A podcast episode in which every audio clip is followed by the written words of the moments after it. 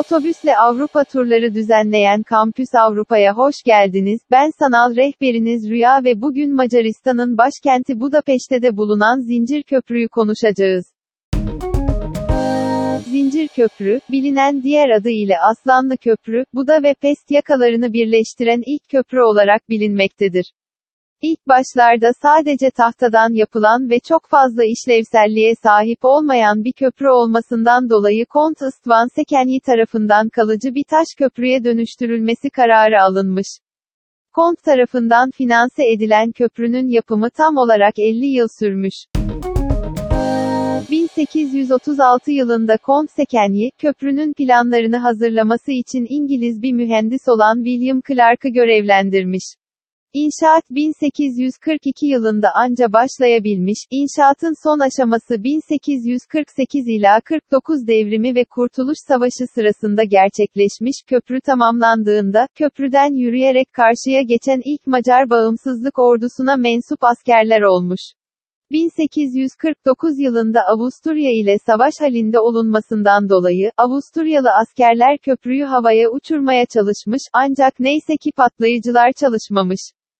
Köprünün finansmanı olan Kont Sekenyi ise 1848 yılında yaşadığı zihinsel çöküntü nedeniyle hayalinin gerçekleştiğini görememiş. İkinci Dünya Savaşı esnasında ise Almanlar 1945 yılında Budapeşte'yi kuşatıp köprüyü yok etmeyi başarmışlar. Savaş bittikten sonra 1947 yılında yeniden inşa edilmeye başlanıp 1949 yılında ise orijinal haliyle yeniden hizmet vermeye başlamış. Köprü sahip olduğu iki tonozlu taş sütun ile yaklaşık 5200 ton ağırlığındaki sağlam demir yapıyı barındırmakta.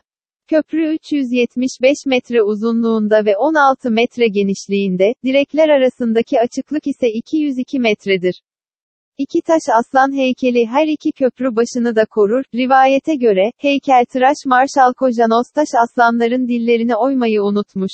Açılış töreninde ise bir çocuk bunu fark edip dile getirmiş. Köprüye yakışan bir şekilde eksiksiz olarak heykelleri teslim edeceği sözünü veren heykeltıraş, bu durumdan dolayı o kadar sıkıntıya düşmüş ki köprüden Tuna nehrine atlayarak intihar etmiş. Elbette bu günümüzde bir şehir efsanesi olarak aktarılıyor. Heykellerin ise gerçekte dilleri mevcut. Sadece bakış açınızı çok iyi ayarlamanız gerekiyor. Eğer siz de bu tarihi köprüyü ziyaret etmek, Budapeşte ve birbirinden güzel diğer Avrupa şehirlerini doyasıya gezmek isterseniz Kampüs Avrupa'yı tercih edebilirsiniz. Detaylı bilgi almak ve tur programlarını incelemek için lütfen kampusavrupa.com adresini ziyaret etmeyi unutmayın.